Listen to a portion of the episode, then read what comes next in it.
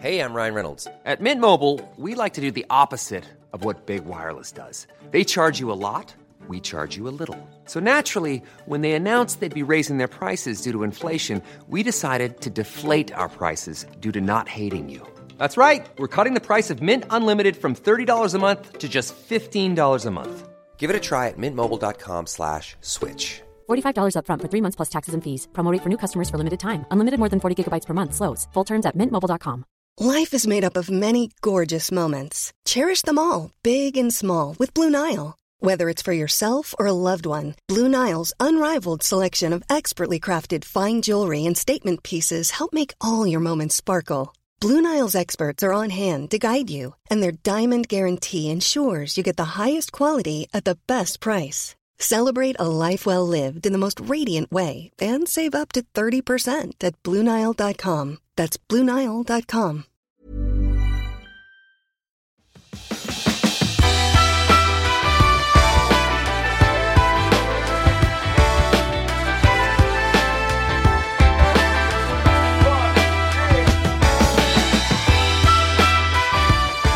Hej och välkommen till Klimakteriepodden med mig, Åsa Melin. Alltså jag kan inte nog tacka för alla som hör av sig med uppskattning.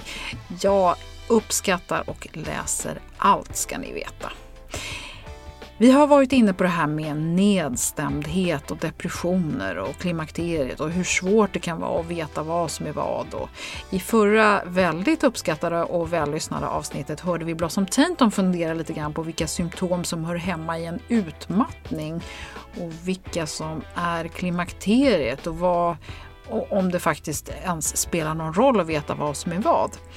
Men vi pratade också en hel del om förändringar och i det här avsnittet så ska vi gräva lite i det här med existentiell stress eller hur det kommer sig att man faktiskt just i de här åren kan må bra av att titta lite grann på sina relationer och reda ut vad man faktiskt vill eller önskar av sitt liv här och nu.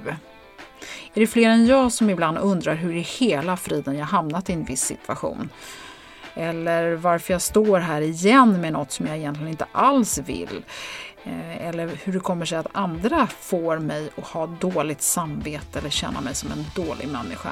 Ja, det här blev ett väldigt fint avsnitt med sympatiska och kloka psykologen och psykoterapeuten David Vaskuri. Så välkommen att lyssna!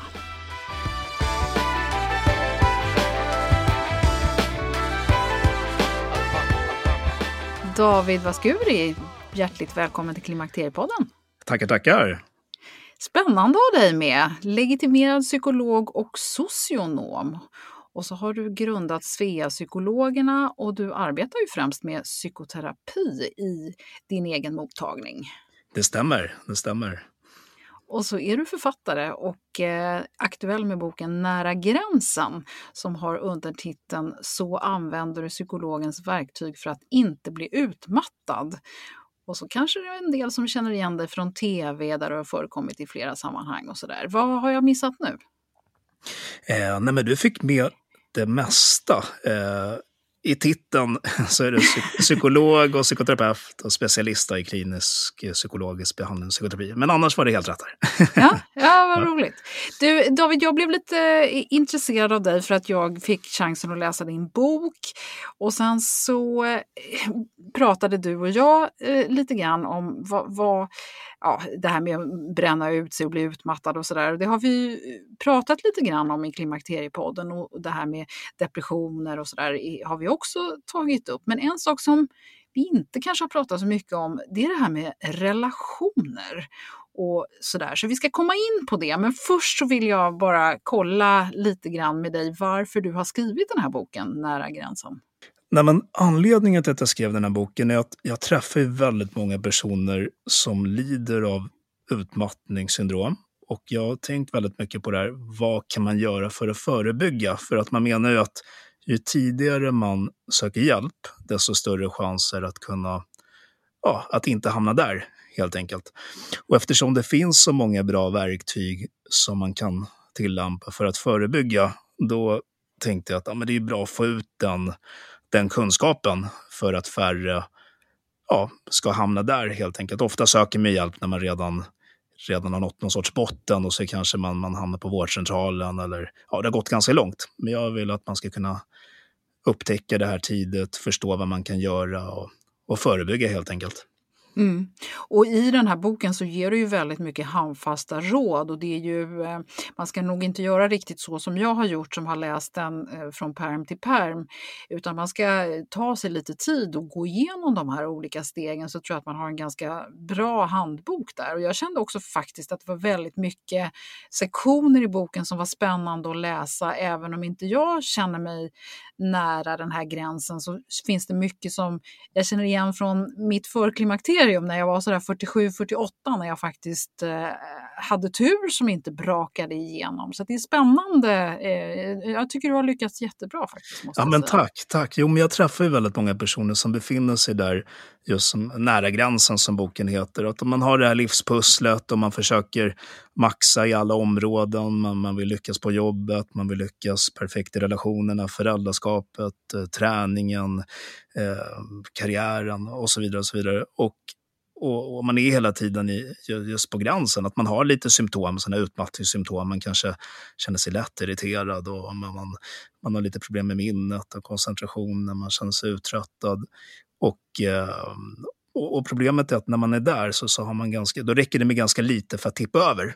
Och, och att, och att kunna liksom ha en buffert av återhämtning tidigare eh, är bara bra. Och det är mycket det boken handlar om.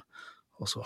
och nu har du redan nämnt en del av ja. de här tecknen. Ja. Och för mig så blir det så här att utmattnings, alltså de här tecken man ska vara vaksam på som du precis nämnde, några av dem, det här med trötthet, minnesfunktioner, sömn, man kan börja dra sig lite undan, man kan bli ljud och ljuskänslig och så vidare. Det är väldigt likt klassiska klimakteriebesvär. Det här alltså när, för klimakteriet blir ju en sån här äh, ytterligare parameter som gör att man kanske faktiskt krackelerar. Ja. Hur vet man vad som är vad? Då spelar det egentligen någon roll? Nej, men precis, men det är en jätteviktig fråga du tar upp, för att det är ju en del av, av yrket som psykolog och även, även för läkarna, att, att just det här som kallas för differentialdiagnostik. Och det innebär att när man träffar en, en ny klient eller, eller patient, som man då kallar det om man är inom sjukvården, eh, att man gör en korrekt bedömning och att man, man sätter rätt rätt diagnos. Och olika diagnoser har ju olika kriterier kan man då säga. Så till exempel om någon söker för utmattning så, så, så är det ju de här symptomen som jag sa, trötthet och minnesproblem och koncentrationsproblem och, och lättirritation och sömnproblem. Men, men, men, men, det ska också ha funnits en stressproblematik i ett halvår innan. Och de här symptomen ska ha funnits i en två veckors period. De ska eh, gå ut över ens fungerande i stor utsträckning. Och som du är inne på så påminner det här om kriterier eller, eller symptom som finns i klimakteriet. Till exempel det här med eh, att humörsvängningar. Det, det, är ju, det är ju ganska likt det man kan känna i en utmattning, just det här med att man har kort stubin till exempel. Så det, den kan likna sömnproblem, finns i både utmattning och klimakteriet. Eh, så, så att, men, men, men det det handlar om det är att, att, att man behöver sätta rätt diagnos och man behöver få in rätt information. Och det ingår ju i yrket som psykolog och läkare att man, att man då ska, ska ta in rätt information, man, man ska titta vilka kriterier som uppfylls. Eh, för, för sätter man inte rätt diagnos så kan du inte heller ge rätt behandling. Så det är ju väldigt viktigt. Och ibland finns en samsjuklighet, det ena kan göra det andra. Till exempel sömnproblem med från klimakteriet kan göra att man får sämre återhämtning som till slut leder till en sekundär utmattning till exempel. Eh, så, så att det ena kan ge det andra. Men, men det, det är inte helt enkelt och det blir fel ibland. Och, och så där. Men det är en jätteviktig fråga, definitivt. Mm.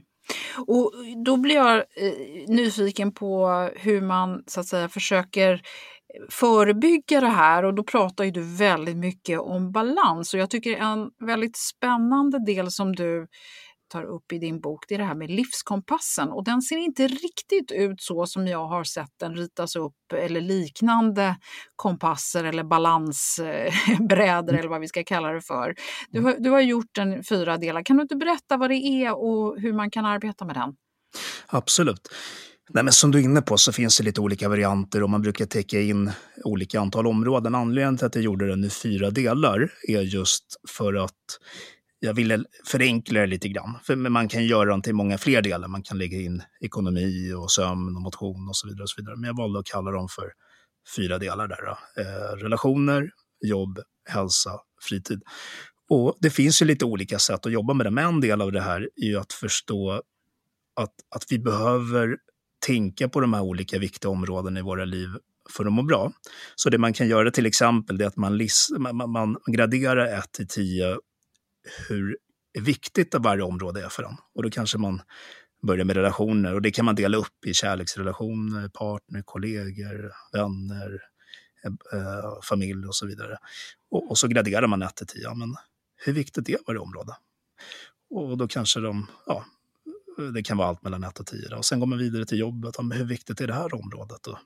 1 till 10. Och sen går man vidare till, till hälsan och där ingår sömnen, motionen, kosten, alkoholvanor, om man hinner med mindfulness till exempel. Och då kan man gradera där. Hur viktiga de är, 1 till 10. Och, och lika som med fritidsintressen och hobbyn 1 till 10. Och en 10 är då att det är extremt viktigt och en 1 att, att det är väldigt oviktigt. Då. Det, det, är för en själv som individ, så att man ska inte gå efter normer eller, eller ja, vad tycker samhället, utan mer försöka vara sann mot sig själv. Men vad tycker jag är viktigt? Jag kanske inte tycker jobbet är ett dugg viktigt, men det är ett nödvändigt ont för att annars har jag ingen lön. Så att egentligen kanske den där 25-procentiga eh, i den ja. här cirkeln då, kanske jag skulle bara vilja ha, jag skulle kanske vilja ja. ta bort den. Förstår ja. du vad jag menar? Absolut. Och det, ja, men det, så här, ja, hur ska man gradera då? Det är viktigt för att jag behöver en ekonomi, men det är inte viktigt för att jag ja, kanske inte tycker det är kul eller meningsfullt eller jag vill använda min tid till annat. Och, och Ah, hur ska man tänka med siffran då? Men då skulle jag kanske tänka att man får väga in båda aspekterna. Både, ja, jag behöver ju faktiskt en ekonomi om inte jag har en massa extra miljoner på banken, så jag får ta in den aspekten också. Men, men, men den, är, den är oviktig av andra skäl. Och då kanske ekonomibiten höjer siffran lite grann, eh, men, men, men eh, den, andra, den andra biten sänker den och så kanske man hamnar lite, lite i mitten där. Och sen kan man då gå vidare med vart befinner jag mig i nöjdhet i varje område. Och då går man igenom de här siffrorna igen, 1 till 10 och sådär. Men, eh, relationer, okej, okay, kärleksrelation och så vidare. Hur nöjd är jag där? En 10 då är fullt nöjd, 1 är jättemissnöjd. Och så går man igenom alla de här och då får man ganska tydligt, och för många är det här en aha-upplevelse, att aha, oj, det här området är jätteviktigt, men jag är jättemissnöjd. Eller det här området är oviktigt, men jag är rätt så nöjd och så vidare. och så vidare. Men det kan vara ett första steg just, att, just för att börja med och finns det något rätt och fel? Måste de här delarna alltid så att säga uppfyllas? Det finns... Nej, jag skulle säga att, att kanske inte något rätt och fel, men jag skulle ändå säga att de här områdena i något plan behöver finnas med eh, på, i, i, i, en viss utsträckning. Så till exempel, vi tar på relationer, det är inte så att alla måste tycka att en tia i viktighet att ha en kärleksrelation och massa vänner. Men, men jag tror att alla människor mer eller mindre behöver socialt alla har ett socialt behov så att säga. Sen kan man bli mer eller mindre extrovert eller introvert. Man har olika stort socialt behov. Och lika som med jobb. Eh, ja, att, att den, det är klart, om man skulle vara ekonomiskt oberoende och inte behöva en ekonomi, då kan man ju argumentera för men behöver man ha ett jobb? Nej, men det kanske man inte behöver. Man kan hitta andra sätt att sysselsätta sig med. Så det, det finns inga rätt och fel, men det kan vara olika viktigt för olika personer. Men det, det är oftast viktiga områden att titta på som påverkar människors mående för det mesta. Mm. Du, när, när, eh, när vi talade inför den här intervjun så kom vi in på personligheter och olika drag som man kan ha som gör att man då försummar sig själv. Det här tyckte jag var oerhört spännande. Vad, vad kan det vara och vad blir konsekvenserna av att inte... För har man nu dragit upp den här kompassen och hittar att det här var jätteviktigt för mig men jag har verkligen låga poäng på till exempel eh, mina fritidssysslor eller mm, ja, mina familjerelationer eller jobb eller vad det nu kan vara. Nej men precis, Nej, men det, är, det är jätteintressant det där. Och eh, jag tänkte att jag kan, jag kan prata om det i kombination med att jag pratar också om, eh, om hur man kan fortsätta med livskompassen, för då får jag in dem där. Men, men, men det man kan göra sen med livskompassen, det är just att man målar upp varje område. Vad vill jag? I varje tårtbit. Eh, vem vill jag vara? Alltså där får man in kärnvärden. Och sen vad kan jag göra för att ta steg framåt? Och då kan man koppla det till just det du är inne på, det här med hinder. För att det kan ju finnas hinder. Vi säger till exempel, jag vill vara jag vill ta fram, steg framåt i, i mina sociala relationer. Jag kanske vill träffa någon fast jag inte har en partner, eller jag kanske vill ha ett större socialt nätverk, eller jag kanske vill eh, ha, ha ett jobb och det kräver att jag vågar gå på intervjuer för att byta jobb. Men så kanske man har sidor som hindrar den. Och det skulle kunna vara allt från social ångest till att, att, att, att, man, är, man är rädd för att utsätta sig socialt för man tror att folk granskar den och då vill man undvika sådana jobbiga situationer. Men det kan också handla om, som du var inne på, det här med självuppoffring eller till lagsbeteenden. Eh, som, som kan vara drag ibland, alltså man pratar ju alltid om arv och miljö i psykologin, så det är svårt att veta ibland så här, men vad är vad? Vad kommer från uppväxten och vad kommer från rent att, man, att det är medfött och så vidare. Men, men väldigt mycket kan ju vara sånt, sånt som man har som man har eh, skapat i livet utifrån relationer till föräldrar och tidigare relationer och så vidare. Men till exempel att vara självuppoffrande är ju en sån här sak som, där man fokuserar väldigt mycket på andra, men man fokuserar inte på sina egna behov och sina egna känslor.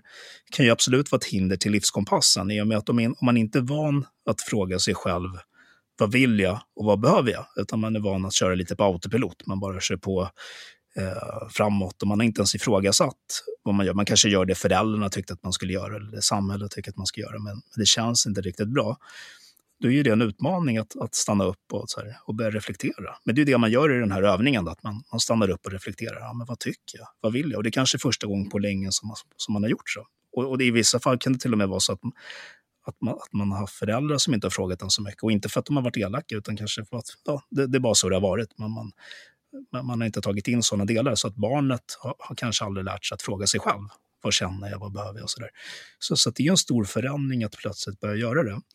Men, men, det är ju väldigt viktigt och om jag kopplar det till utmattning så ingår det ju väldigt ofta att man är lite sådär självuppoffrande och till lags. Alltså att de frågar, ja, men kan du jobba över? Ja, men inga problem. Eh, kan du ta den här uppgiften? Ja, ja, men det fixar jag. Men, men i slutändan så kör man ju över sig själv, både i återhämtning och behov och så vidare. Och man blir lite av en people pleaser som, som, som ger väldigt mycket till andra. Och ibland drar man till sig mycket så här energitjuvar, människor som kanske utnyttjar det. Att, att jo, men den säger ju alltid ja, vi frågar den och så vidare. Men sen ibland när de personerna kanske börjar gå i en terapi eller börjar ja, utmana sig själva och börja ändra på sitt liv, så märker de att jaha, oj, de här relationerna som jag tyckte var normala, men de var inte riktigt bra egentligen. Det här är ju väldigt mycket det jag ger och jag får väldigt lite. De frågar väldigt sällan vad jag känner eller vad jag vill. Det är väldigt mycket fokus på dem hela tiden. Eh, så, så det kan ju bli som en aha-upplevelse och, och det kan till och med vara lite jobbigt och sådär. Men det är en viktig förändring eh, att, att, att göra, absolut. Du, det är ju väldigt spännande då om man lyckas identifiera sånt här. Eh, jag tänker lite på att vi Eh, också hjälper andra och det här som du sa att man kanske är van, folk omkring en är ju väldigt van vid kanske att du har ett visst beteende. På jobbet är ju en sak men jag tänker också på närmare relationer. Det är så här, man är stora systern som alltid har fixat allting. Man är den som alltid ordnar kalasen, man är den som alltid tar initiativ till det och så vidare. Jag tänker att det kan vara ganska svårt att förändra en relation, att man blir ifrågasatt eller man är rädd för att man eh, Eh, de som påverkas av det här plötsligt ja, men liksom den här duktiga flickan som plötsligt liksom slår bakut. Ska man, ska man, hur förändrar man en relation? Ska man göra det öppet eller gör man det lite i smyg? hur, hur gör man? Mm. Nej, men jag förstår absolut vad du menar och, jag tycker att det är väldigt träffande det du säger. Att, att ibland när man förändras så får man ju vissa reaktioner. Eh, alltså, Oj, har du börjat säga nej helt plötsligt? Eller, och, och, så vidare. och så vidare. Och Det kan bli lite obekvämt. Och det är inte både och. I vissa fall har jag sett att personer ändrar och det går bra. Och då har de upp, uppförstorat hur, hur, hur jobbigt det kommer bli för omgivningen. Och då är det bra att de ser att aha, oj, jag sa nej och det gick bra ändå. Så att säga. De hade målat upp ett katastrofscenario som inte inträffade. Och så. Men i vissa fall är det ju faktiskt så att, att som du säger, att, att, att folk reagerar på, på den här förändringen. Men jag tänker att, att de reagerar, även fast det är obehagligt och det blir lite av en konflikt, vilket är extra jobbigt om man är självuppoffrande och till lags, för man kanske lite, ja, man vill inte ha konflikter, man är lite konflikträdd. Vilket de, de flesta vill inte ha konflikter såklart. Eh, men, men det är ändå viktigt att det kommer upp. Men sen är frågan, vilken typ av samtal har vi? Så till exempel gång ett så kanske det blir en, en sån här laddad konflikt Ehm, men, men det är någonting som man kan prata om senare. Alltså kanske inte just då, för det är en affekt, i affekt och då kanske man inte vill ha en eskalerande konflikt. Men vi säger att när det lugnar ner sig, man tar ett samtal ett par dagar efter igen och så kan man prata. Men vad var det som hände där? Jo, men jag blev besviken för att du brukar ju alltid säga ja. Nu har du plötsligt börjat säga nej. Jag fick för mig att du kanske inte tyckte om mig för ah, nej, men det är inte det det handlar om. Jag har börjat säga nej bara för att jag vill börja prioritera ja, hur jag själv mår, för jag har inte mått så himla bra till exempel. Och, och det kan ju leda till en dialog som, blev, eh, som blev, gav en närmare relation till och med i, i, i slutändan. Så det kan föra någonting bra med sig. Så jag tror inte att man ska tänka allt för mycket på det kortsiktiga, eh, att folk kan bli arga för stunden och sånt där. Utan mer vad kan det här leda till långsiktigt?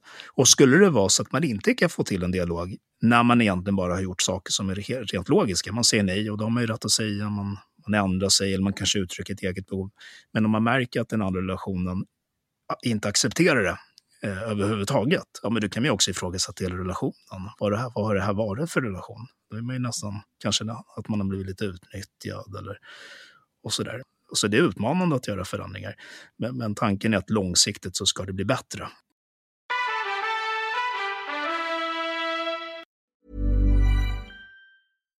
If you're looking for plump lips that last, you need to know about Juvederm lip fillers. With Juvederm Volbella XC and Juvederm Ultra XC, your lip look, whether it's subtle or bold, can last up to one full year with optimal treatment and no additional maintenance. Find a licensed specialist and see if it's right for you at Juvederm.com today. That's J U V E D E R M.com. Add fullness to lips in adults over 21 with Juvederm Volbella XC or Juvederm Ultra XC. Do not use if you have severe allergies or a history of severe allergic reactions, or if you're allergic to lidocaine or the proteins used in Juvederm. Tell your doctor if you have a history of scarring or taking medicines that decrease the body's immune response or that can prolong bleeding. Common side effects include injection site redness, swelling, pain, tenderness, firmness, lumps, bumps, bruising, discoloration, or itching. As with all fillers, there's a rare risk of unintentional injection into a blood vessel, which can cause vision abnormalities, blindness, stroke, temporary scabs, or scarring. For full important safety information, visit juvederm.com.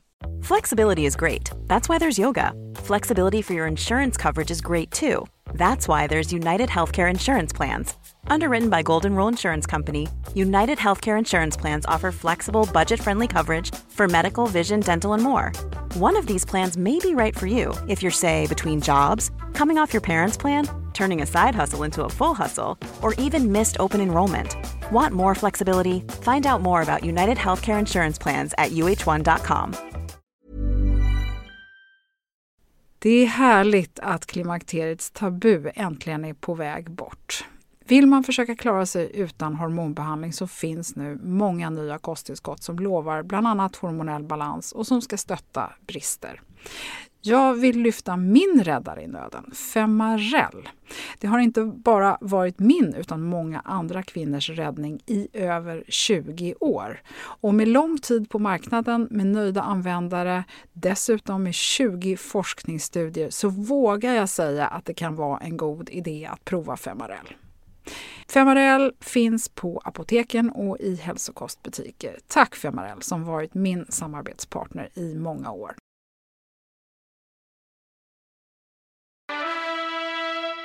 Och, och, och, hör jag dig rätt så betyder det inte att man måste alltid säga att jag behöver ändra vår relation, utan man kan liksom helt enkelt bara göra det.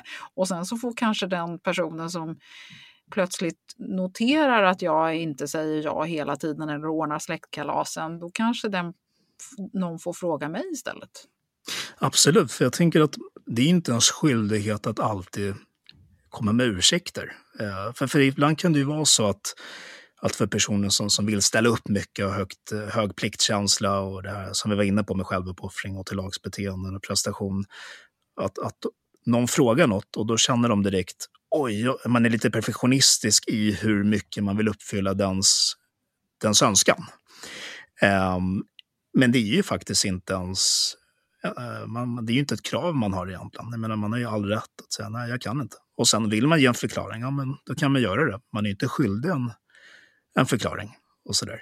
Så att jag, ja, så det går att göra på båda sätten. Man kan på, på börja att sätta mer gränser och bara prova sig fram. Man kan också ha se sam... vad som händer. Så Ja, kan, precis ja, som du säger, ja. ibland kanske inte alls blir så dramatiskt som man själv tror. För Den, den, den, man har uppo uppoffrat sig utan att någon har uppskattat det. Så att säga. den, den är rätt vanlig, för att ju, just det här med, med, med sådana här mönster, självuppoffring och tillagsbeteenden och, och prestation och duktighet och så vidare. Det är ju sånt som man ibland har tagit på sig som en strategi då det behövdes. Vi säger att man hade en, till exempel en, en pappa som var sträng. Och, och, och, och så fick man lite kri- kritik om man inte gjorde det man skulle. Och så lärde man sig, oj det är bäst att jag anpassar mig här, jag överanpassar mig och är till lags och är duktig så att jag inte får kritik till exempel. Ja, men då stämde det. Att hade, hade man inte gjort det så kanske man hade fått en utskällning. Men, det, men hjärnan vill ju generalisera, så det handlar om att den vill, den vill hitta mönster och strategier som den ska leva efter.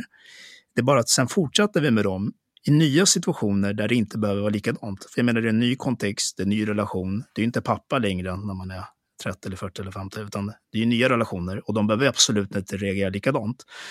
Och, och, och just som du var inne på, när man testar det beteendet i, i den nya situationen så, så kan det bli ett helt nytt resultat. Och det är jättevärdefullt att få, få se det. Aha, oj, jag fick en bra respons här. Eh, jag trodde att de skulle bli superarga, men det blev de inte. Så, så att det, det, det är ju bra om man, absolut bra att testa och se att man kan få en annan respons.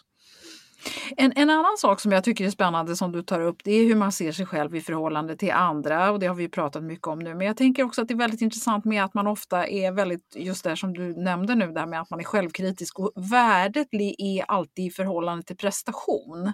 Och jag känner igen det här. Eh, man brukar skoja om att det är väldigt vanligt hos kvinnor och prestationsprinsessor och allt vad man nu döper det här till. Eh, vad är liksom ytterligheten? Vad är det som kan vara farligt i det här? Först är det bra att nämna att, att människor mår ju bra av att känna sig duktiga och kompetenta och prestera och, och få yttre bekräftelse. Vi är ju flockdjur från början brukar vi säga, så att vi, vi mår bra av att, få, att bli omtyckta av de andra och, och, och också känna oss duktiga inför oss själva. Och vi har en självdialog där vi på något sätt mår bra av att kunna säga, ja men nu gjorde du bra ifrån dig till sig själv när man har lyckats med någonting. Och så, så det finns ett sunt behov av det som, som vi har. Men, men, men jag skulle säga att problemet är när det, när det blir ett överskott av det. Alltså när man börjar köra över sina egna behov och återhämtning och, och de här bitarna som vi pratade om för att man jagar den här bekräftelsen för mycket. Eh, att, att man gör det alldeles för mycket. Så att man sitter där och svarar på mejl jättesent och man eh, sitter och liksom, man, man hjälper folk fast man egentligen behövde vila. Och, eh, när det blir på något sätt ett, ett, ett svartvitt mönster. Alltså att det är inte flexibelt, det är inte att man, man gör det när man kan för att man vill, utan man gör det som ett negativt mönster. Om vi tänker, jag var inne på kärnvärden förut i livskompassen, vem vill jag vara? Brukar man prata om. Så här, eh, om man tittar tillbaka på sitt liv när man är gammal, vem vill jag vara? Jo, jag vill ha varit en person som var så och så och så. Det är kärnvärdena. Men dysfunktionella mönster, eller scheman eller strategier som man kan kalla de här mönstren som vi är inne på. Det är ju mer saker som man inte väljer för att man vill, utan det är sånt som man har fått med sig för att man trodde att man behövde det. Och det är då det blir dysfunktionellt, så att säga. Så att om jag väljer att hjälpa någon för att jag vill det, för att det är den jag vill vara och jag kan det, eller jag väljer att vara duktig och prestera för att det är något som, som känns bra utifrån min livskompass, men jag gör det ändå på ett rätt balanserat sätt och jag, jag tycker det är meningsfullt och så vidare. Och så vidare. Då, ser inte jag ett stort, då ser inte jag ett problem med det, så att säga. Problemet blir när jag ska vara duktig på ett sätt där jag kör över min livskompass.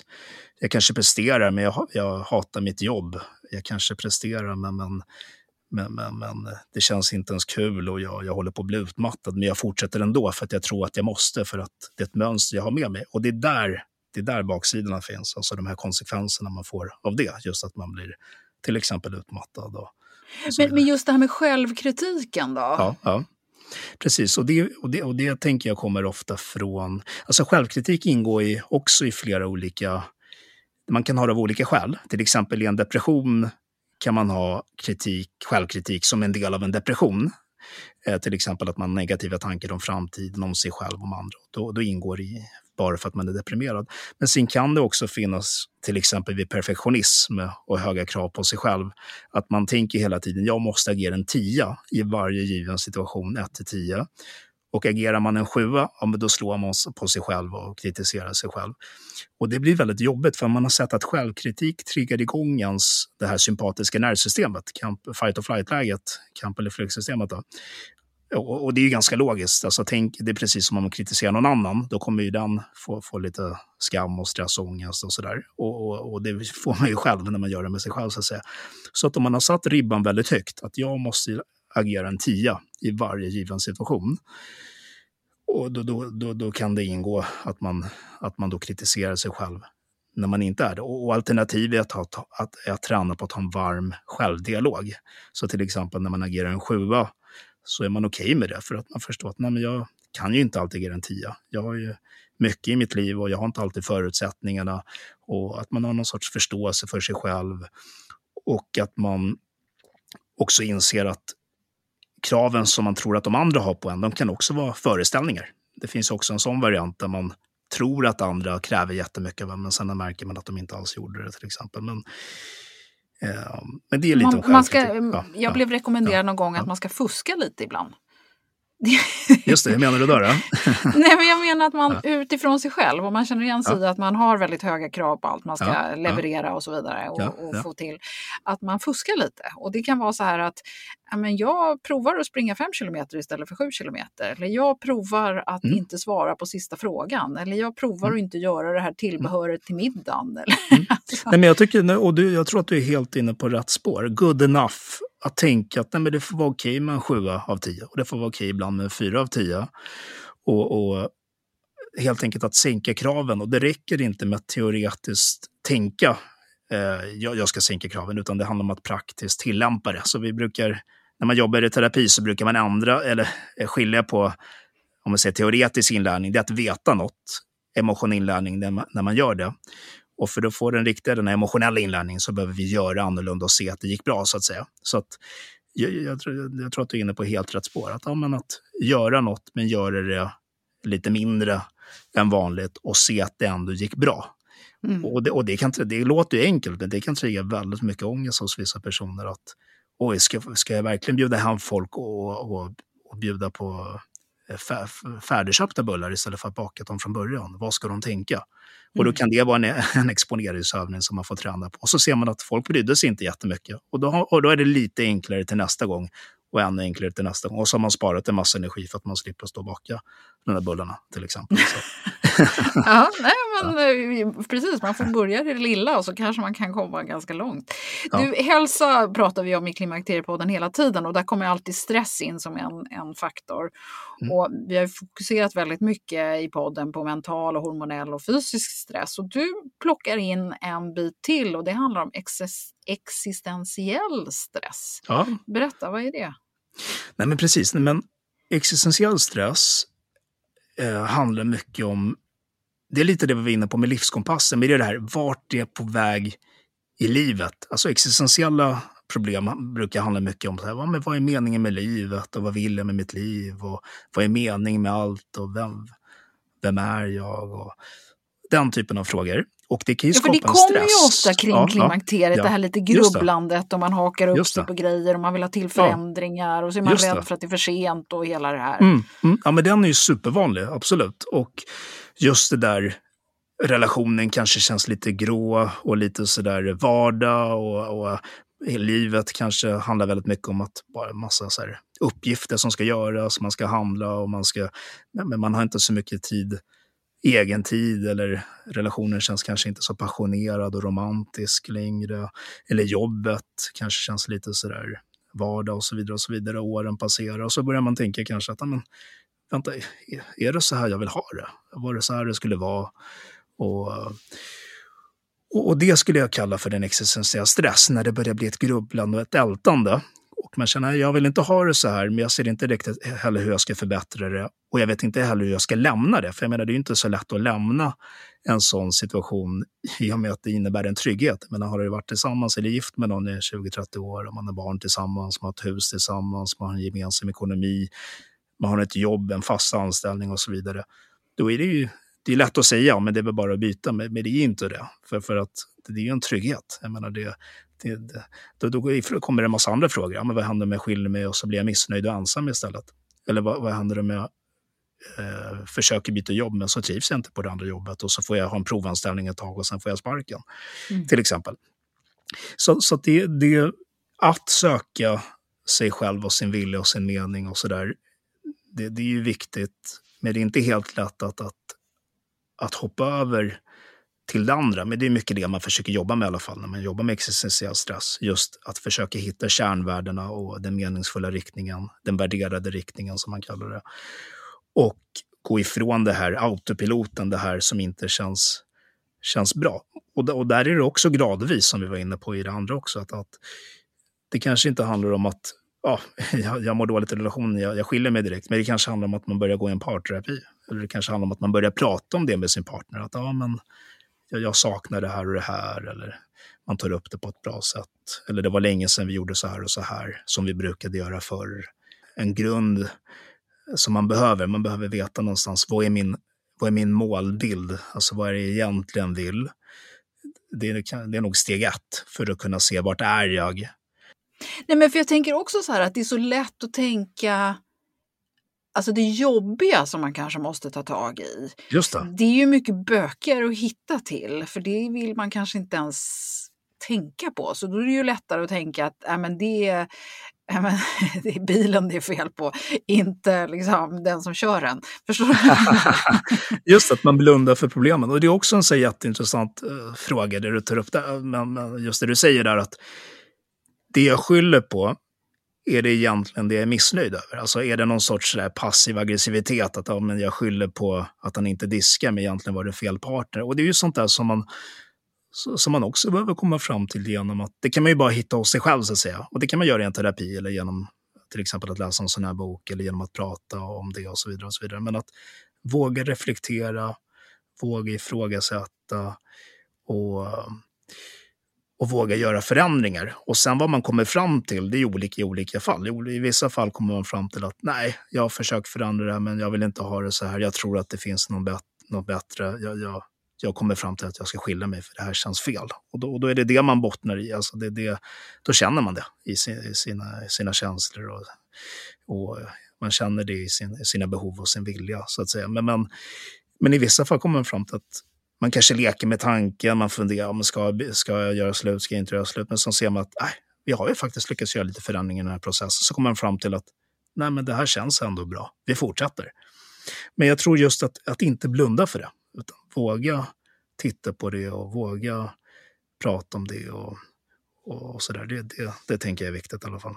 Mm, och jag tänker jättemycket på nu under det här samtalet att man faktiskt måste våga gå till botten med det som är jobbigast. Att man inte blundar för det, för det är så lätt att göra förändringar där det är lätt att göra förändringar och tro att man ska... Ja, men det är väl lite som, jag tänker så här shoppingberoende eller något sånt där. Ja, ah, vem ja. känner sig inte lite härlig när man har köpt en ny tröja men sen, ja. ah, fasen varför betalar jag så här mycket för den? men du vet. Just det. Just det. Nej, men tänkte du då att, att just att, att om man gör en förändring som kanske bara skulle kännas bra för stunden, men att det inte var en bra förändring egentligen? Ja, eller att man tar liksom de lätta förändringar. Ah, att det är så här, ja, nej, men du vet, det är så här, ja men oh, jag trivs inte här hemma.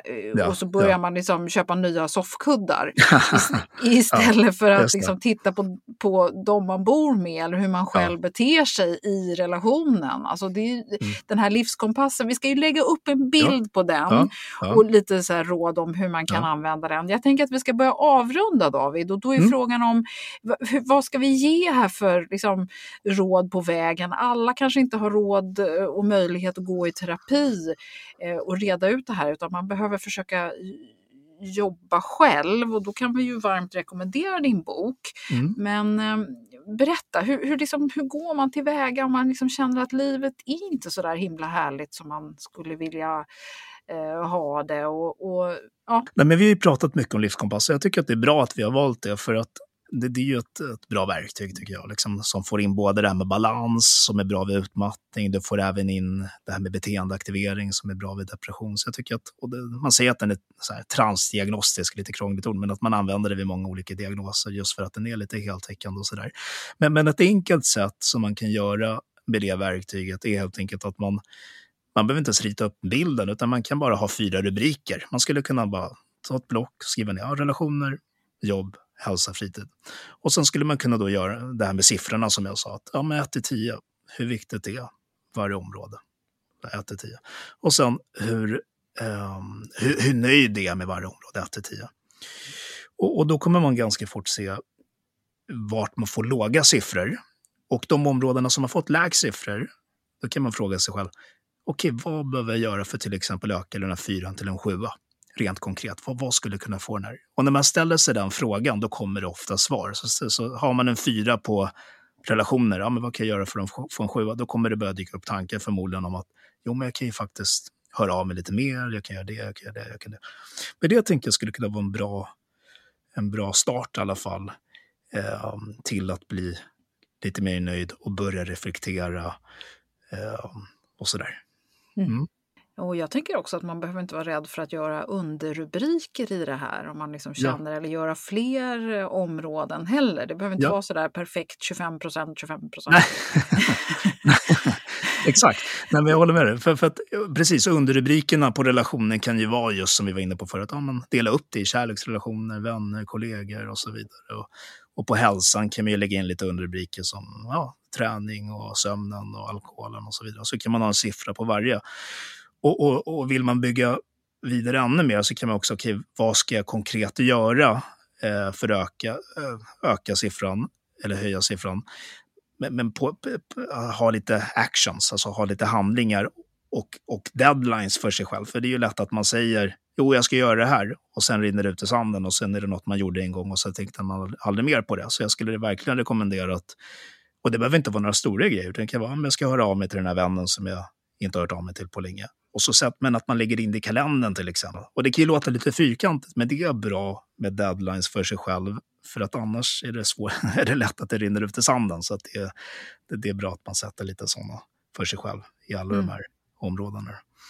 Ja, då kan man, om man nu är så lite prestationsinriktad så kan man ju känna mm. sig nöjd när man kan bocka av att man faktiskt har gjort det också, eller hur?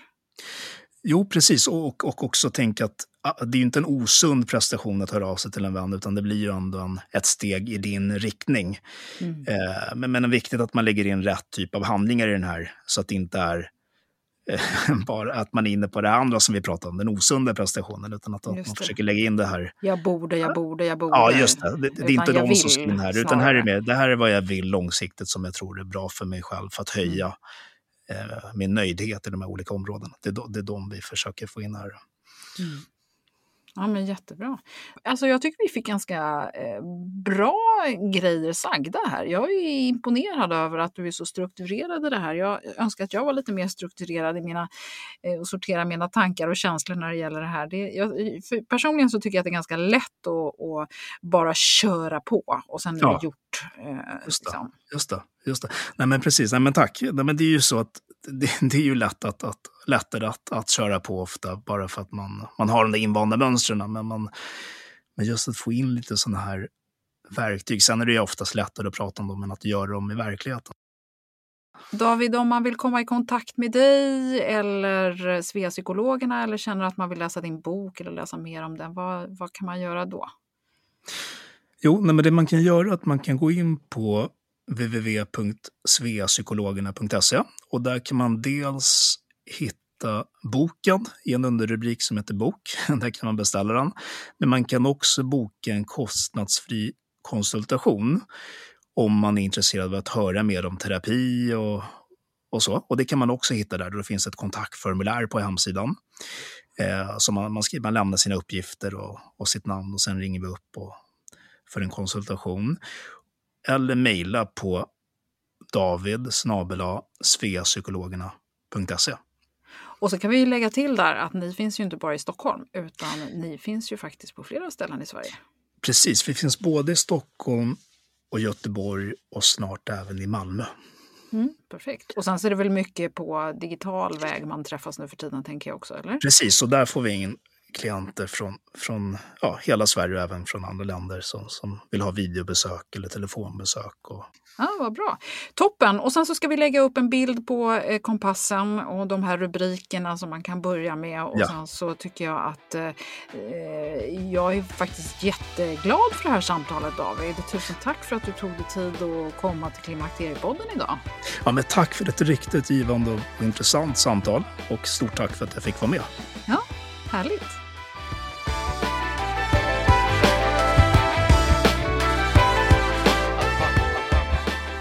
Som vanligt så finns på Klimakteriepoddens Facebook-sida en hel del intressanta saker, bland annat en bild på livskompassen. Och på hemsidan klimakteriepodden.se och på Facebook sidan Klimakteriepodden så finns också kontaktdetaljer till David om du nu missade att skriva upp det. Och kanske vill du ta en funderare på om du kan kanske behöva göra förändringar just nu. Vad vet jag? Om du lyssnar nu när avsnittet är helt alldeles färskt så har vi också en utlottning av 3 ex av boken Nära gränsen av David Vaskuri som eh, du, allt du behöver göra är att kika in på eh, Klimakteriepoddens Instagram så kan du vara med där.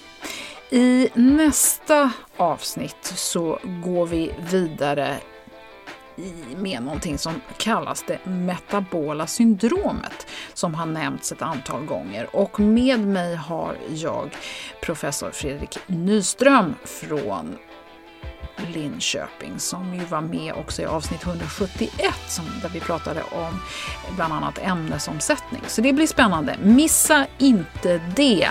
Och du är så välkommen att lyssna precis när du vill. Och jag är jätteglad för att du har lyssnat just idag. Så tusen tack, sköt om dig och vi hörs snart igen hoppas jag. Hej då!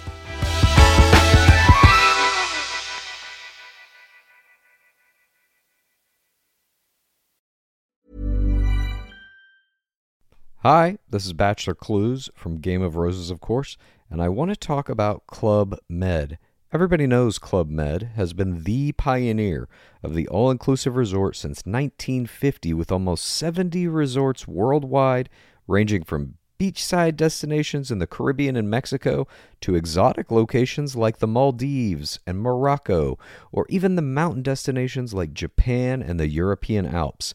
Dine on delicious gourmet cuisine, enjoy more than 20 activities, and make memories with your family. For more information, visit clubmed.us or call 1 800 Club Med or your travel advisor.